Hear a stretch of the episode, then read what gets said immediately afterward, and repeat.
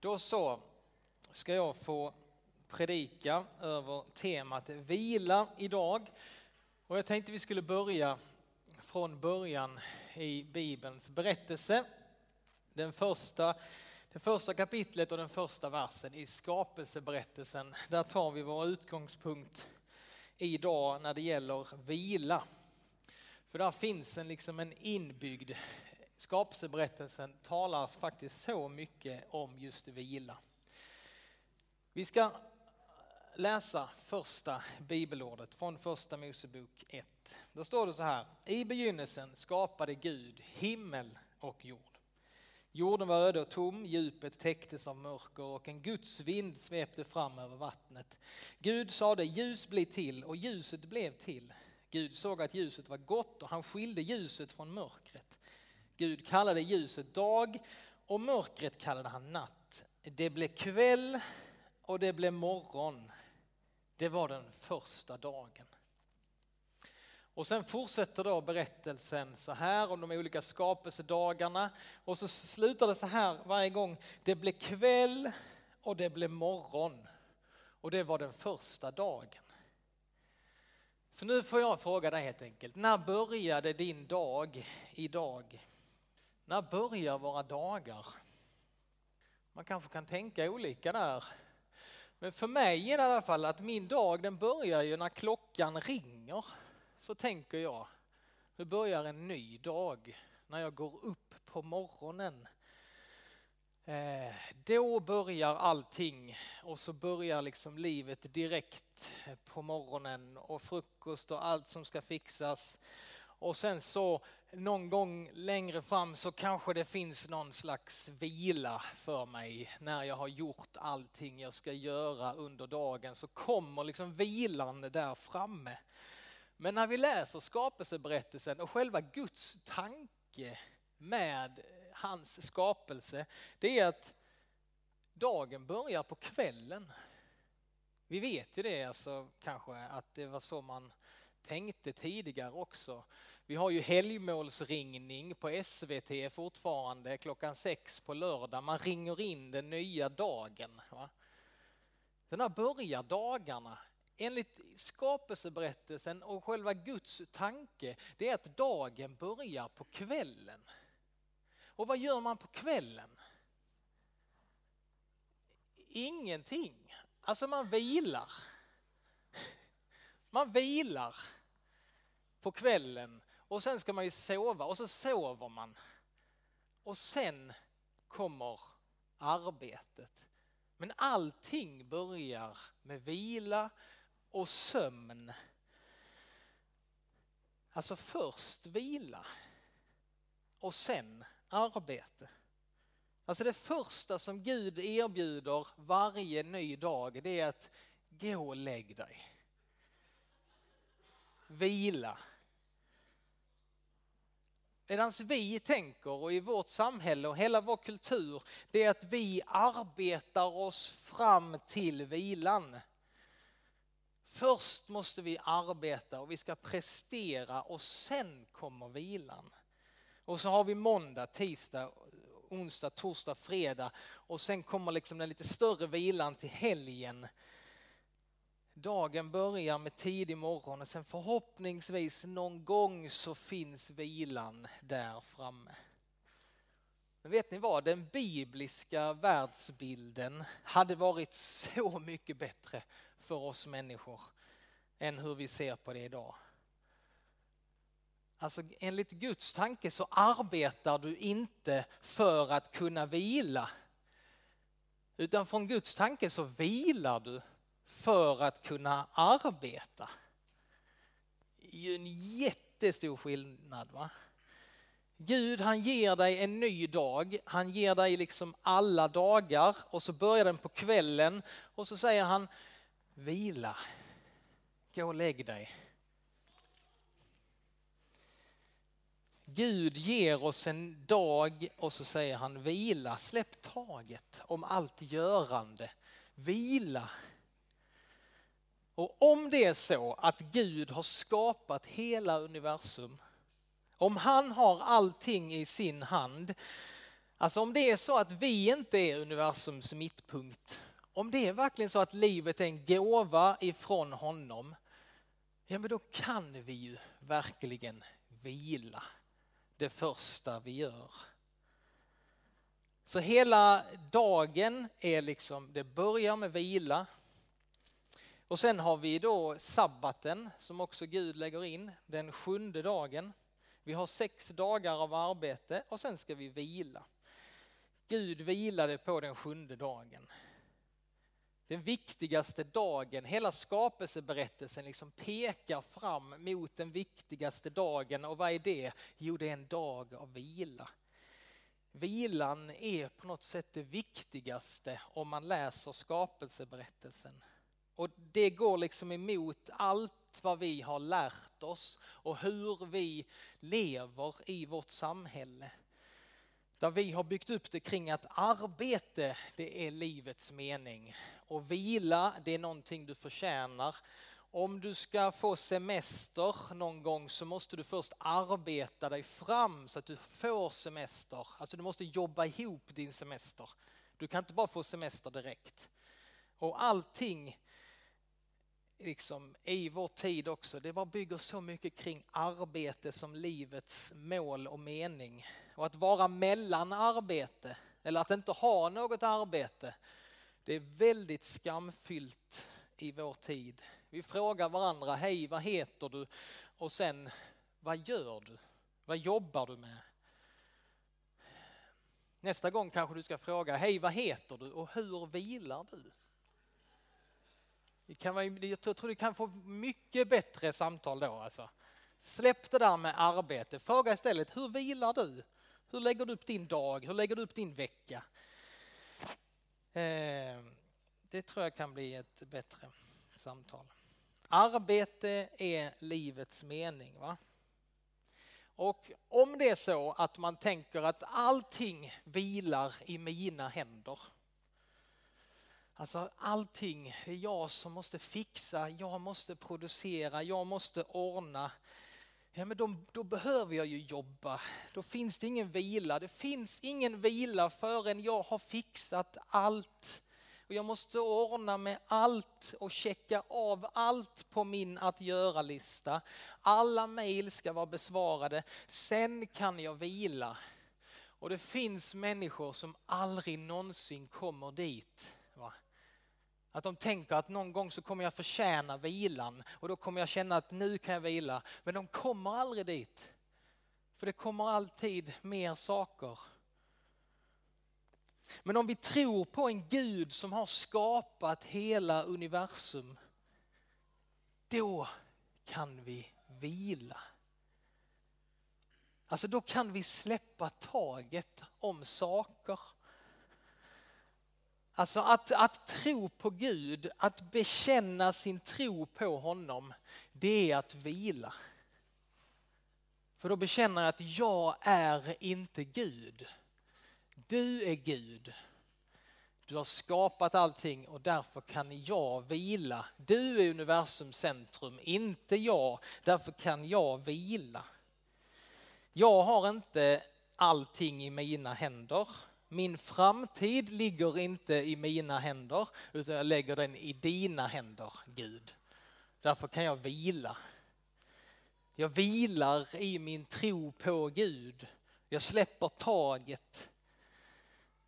I frid lägger jag mig ner under dina vingars skugga. Jag litar på dig. Därför kan jag vila. Jag bekänner min tro på honom genom att vila. Trots att massa saker behöver göras så vilar jag. Vilan det är inbyggt i hela skapelsesystemet. Och det är därför som jag tror att vi mår så dåligt i vår tid. När vi tror att meningen med våra liv är att arbeta och producera och vi lever liksom tvärt emot den gudagivna ordningen som finns. Vi ska vara produktiva, vi ska förtjäna vår plats på jorden. Vi måste prestera. Nej, säger Gud Du ska vila. Det ska du göra, det är det första och viktigaste du ska göra. Vila som utgångspunkt och inte som ett mål någon gång där framme när jag har gjort allt. Tänk nu in i skapelseberättelsen. Vi ska läsa, se ett nytt bibelord här. Tänk nu in i den här berättelsen. Va? Gud sade, vi ska göra människor som är vår avbild, lika oss. De ska härska över havets fiskar, himlens fåglar, boskapen, alla vilda djur och alla kräldjur som finns på jorden. Och Gud skapade människan till sin avbild, till Guds avbild skapade han henne. Som man och kvinna skapade han dem. Gud välsignade dem och sade till dem, var fruktsamma och föröka er, uppfyll jorden och lägg den under er. Härska över havets fiskar och himlens fåglar och över alla djur som myllrar på jorden. Gud han sa det, jag ska ge er alla fröbärande örter på hela jorden och alla träd med frö i sin frukt. Detta ska ni ha att äta. Åt markens djur, åt himlens fåglar, åt de som krälar på jorden. Allt som har liv i sig ger jag alla gröna örter att äta. Och det blev så. Gud såg att allt som han hade gjort var mycket gott. Det blev kväll och det blev morgon. Det var den sjätte dagen.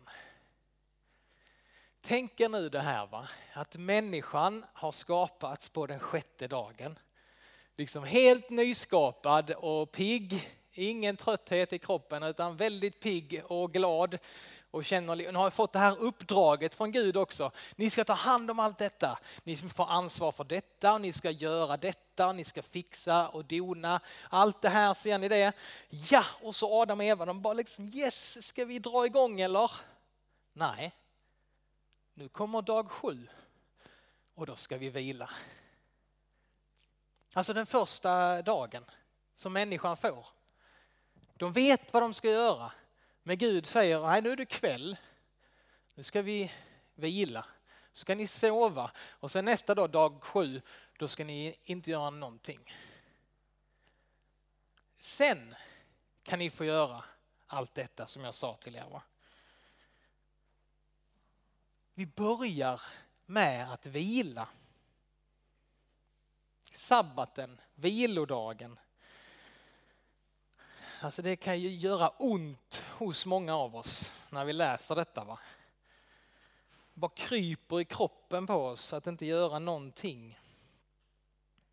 Ni ska få arbeta, ni ska få vara produktiva, säger Gud. Ni ska få vara effektiva, ni ska få ta ansvar. Men det är inte det som ger ditt värde. Och det, det, det, är inte det som är meningen med ditt liv. Gud vet att det är så lätt för oss människor att sätta vår, vårt värde, vår mening i det vi gör. Och därför säger han, det första ni ska göra, hela den första dagen, det är att ni ska vila. Och dagen börjar med att man sover. Alltså du och jag, vi kan vila för att Gud har allting i sin hand. Därför kan vi vila. Och på olika sätt den senaste tiden så har jag blivit påmind om detta med behovet av vila och hur vi människor, vi är liksom på, vi är så helt fel ute när det gäller detta. Vi är på väg åt helt fel håll. Och det är helt okej okay idag att svara så här eh, när man frågar hur är det? Jo men det är bra men det är lite mycket nu. Eh, det är liksom det är, det är så man bör svara idag. Och det är ingen som tycker det är konstigt att någon svarar så. Utan det är så man ska svara typ. Svarar man så här, jo men det är bra men jag har inget att göra alls. Då hade man ju tänkt, nej, vad säger du? Nu är det farligt. Nu, den, alltså den där personen som har jättemycket att göra, den är vi inte oroliga för. För så är det för alla. Så du, du bra, det går bra för dig, fortsätt så. Men den personen som säger, ja men det är bra men jag har inget att göra. Wow! Nu måste vi engagera hela församlingen för att få igång den här personen som inte har någonting att göra. Eh, alltså vi är helt fel ute om vi säger att vi alltid har mycket att göra, alltså stressen som fyller våra liv, att ha mycket att göra, det är nästan så, ja, men det är så vi vill ha det. Va? Men vet ni vad, det är livsfarligt att leva så. Om du alltid svarar så, ja men det är bra men det är lite mycket, det är lite för mycket i mitt liv. Om du har svarat så under några månader, några år kanske av ditt liv, så, så är du farligt ute. Du lever på ett dåligt sätt, ett farligt sätt. För stressen, det är så förödande för allt som är gott, rent och viktigt och rätt i den här världen. Att ha för mycket att göra det är värdelöst när det gäller din tro, din familj, dina barn, alla dina relationer och din hälsa. I en bok som jag läser just nu så hävdar författaren att stress det är den största fienden till andligt liv i vår tid. Stress dödar din tro och ditt liv med Gud. Corrie ten Boom, vi ska se ett citat här av henne. Hon sa så här, hon är överlevare från förintelsen. Om inte djävulen kan få dig att synda så kommer han att jobba för att hålla dig upptagen. Han kommer ha, så att sätta igång så att du är upptagen så att du inte lyssnar till din Gud. Utan du är bara upptagen med annat och du får inte tid att lyssna uppåt. Stress gör att kontakten med Gud, kontakten med andra människor, kontakten med dig själv blir minimal. Om du vill vara liksom en kärleksfull människa, förälder, vän, lärjunge till Jesus så kan du inte stressa. Kanske kan du göra det någon period liksom, kort period av ditt liv, men det får inte pågå. Att du alltid är stressad. Stress förstör allt det vackra i våra liv. Det berövar oss förmågan att vara närvarande i stunden. Alltså vi kan ju ta jättemånga exempel. Vill du vara en fridfull människa? Längtar du efter det? Då kan du inte stressa. Den berömde psykiatern Carl Jung, han uttryckte det så här. Stress är inte från djävulen, stress är djävulen. Det är rätt tydligt. Vill du vara en glad människa? Vill du möta människor med glädje, frid och kärlek? Då måste du få bort stressen ur ditt liv. Andens frukter som vi längtar efter, det är kärlek, glädje, frid, tålamod, godhet och de frukterna de växer inte på en stressad människas liv. Om jag ser på mitt eget liv, det är inte så svårt. Alltså när är jag arg och sur på mina barn eller på min fru? Jo, det är ju när jag stressar i olika sammanhang. När jag stressar på morgonen eller vid andra tillfällen och liksom skriker åt barnen och liksom vill få med dem för att det finns för lite tid. Någon som känner igen sig kanske.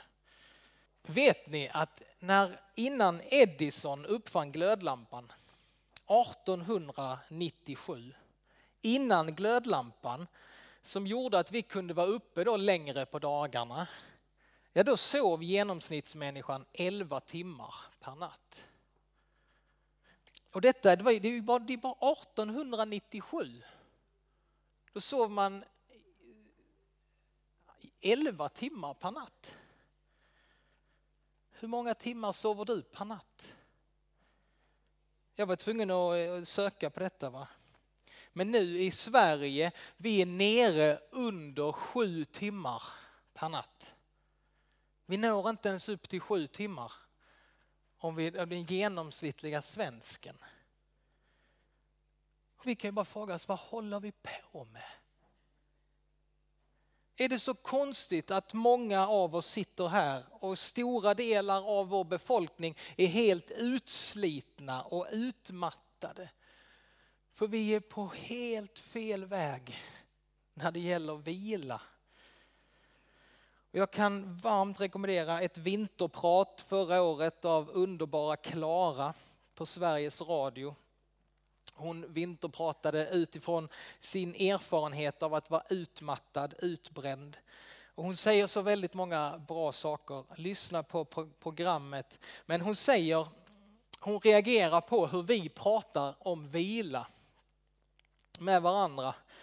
Vi kan säga så här, jo men det är mycket nu, men eh, när jag får semester, då ska jag vila. Ja men det är mycket nu, det, det, ja, just nu är det mycket, men till helgen då, då, då ska jag vila. Ja men det är några intensiva veckor nu, det är det, men alltså, då där vid påsk så då ska jag vila. Alltså det är ju så dumt. Det är ju så dumt. Tänk om vi hade sagt så kring maten som vi äter. Ja, men det är mycket just nu, va? men till jul då ska jag äta upp mig rejält tänkte jag. Eh, så att det är lugnt. Just nu, jag äter inte så mycket nu. Utan, eh, men det är några veckor nu jag inte äter och jag hinner inte det. För, men där, då ska jag äta. Eller med eh, träning, liksom. Eller att dricka. Vi, vi måste göra det varje dag. Man kan inte skjuta upp det där. Och det är samma sak med vilan. Du kan inte tänka som träning, ja men då, om några veckor, då ska jag träna jätteintensivt några dagar. Utan träning behöver också finnas med som en naturlig del av din veckorytm. Det går inte att tänka så om vilan. Du måste sluta stressa. Stress är värdelöst för allt det vackra och viktiga i ditt liv. Jesus han sa så här till oss i Matteus kapitel 11 som kommer upp här också. Kom till mig, alla som är tyngda av bördor. Jag ska skänka er vila. Ta på er mitt ok och lär av mig som har ett milt och ödmjukt hjärta så ska ni finna vila för er själ.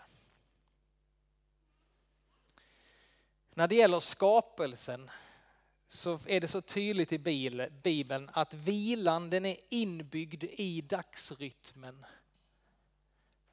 I veckorytmen, att ha en sabbatsdag. Vilan det är inte ett tillägg till livet utan du ska utgå ifrån vilan. Vi vilar för att kunna arbeta. Vi arbetar inte för att förtjäna vilan. Vi börjar med vilan för att Gud är den som har allt i sin hand. Därför kan vi vila som en troshandling, att vi litar på Gud. Och vet ni vad? När det gäller frälsningen, vad Gud har gjort för oss på korset så är det samma sak. Vi kan läsa i Romarbrevet nu kapitel 5 så står det så här. Medan vi ännu var svaga, alltså medan vi ännu tittade bort från Gud, medan vi var bortvända, medan vi gjorde allt det där som var fel. Va? Medan vi ännu var svaga dog Kristus för alla gudlösa. Och när tiden var inne, knappast vill någon dö för en rättfärdig, kanske går någon i döden för en som är god. Men Gud bevisar sin kärlek till oss genom att Kristus dog för oss medan vi ännu var syndare. Gud han skapade himmel och jord, därför kan du vila. Kristus han dog på korset för dig och mig. Han besegrade synden, döden och djävulen helt utan din och min inverkan. Därför kan vi vila.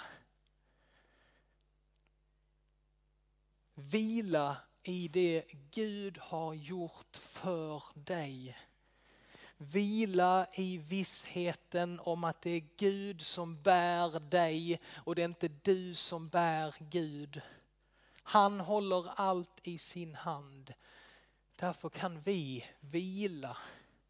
Och vi ska få sjunga en sång här nu där vi just sjunger orden vila i nåden.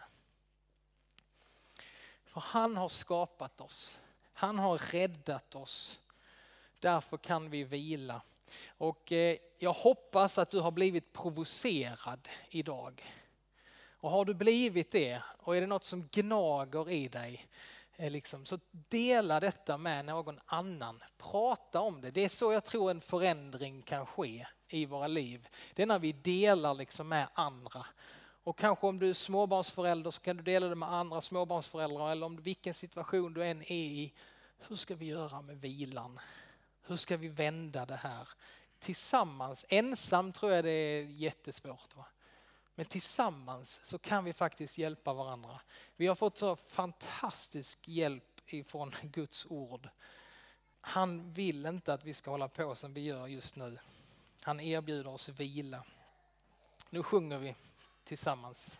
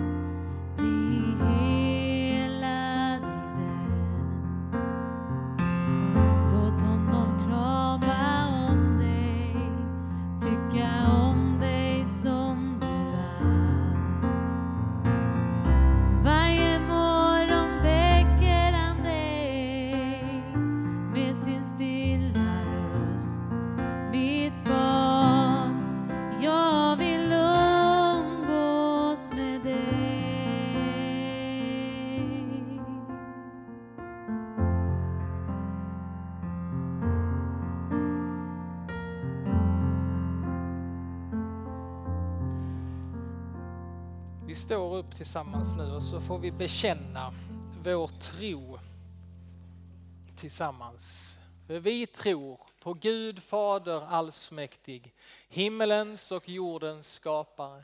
Vi tror och på Jesus Kristus, hans enfödde son, vår Herre, vilken är avlad av den helige Ande, född av jungfrun Maria, pinad under Pontius Pilatus, korsfäst, död och begraven, nederstigen till dödsriket, på tredje dagen uppstånden igen ifrån de döda, uppstigen till himmelen, sittande på allsmäktig Gud faders högra sida, därifrån igenkommande till att döma levande och döda. Vi tror och på den helige ande, en helig allmännelig kyrka, det heliga samfund, syndernas förlåtelse, det dödas uppståndelse och ett evigt liv. Amen.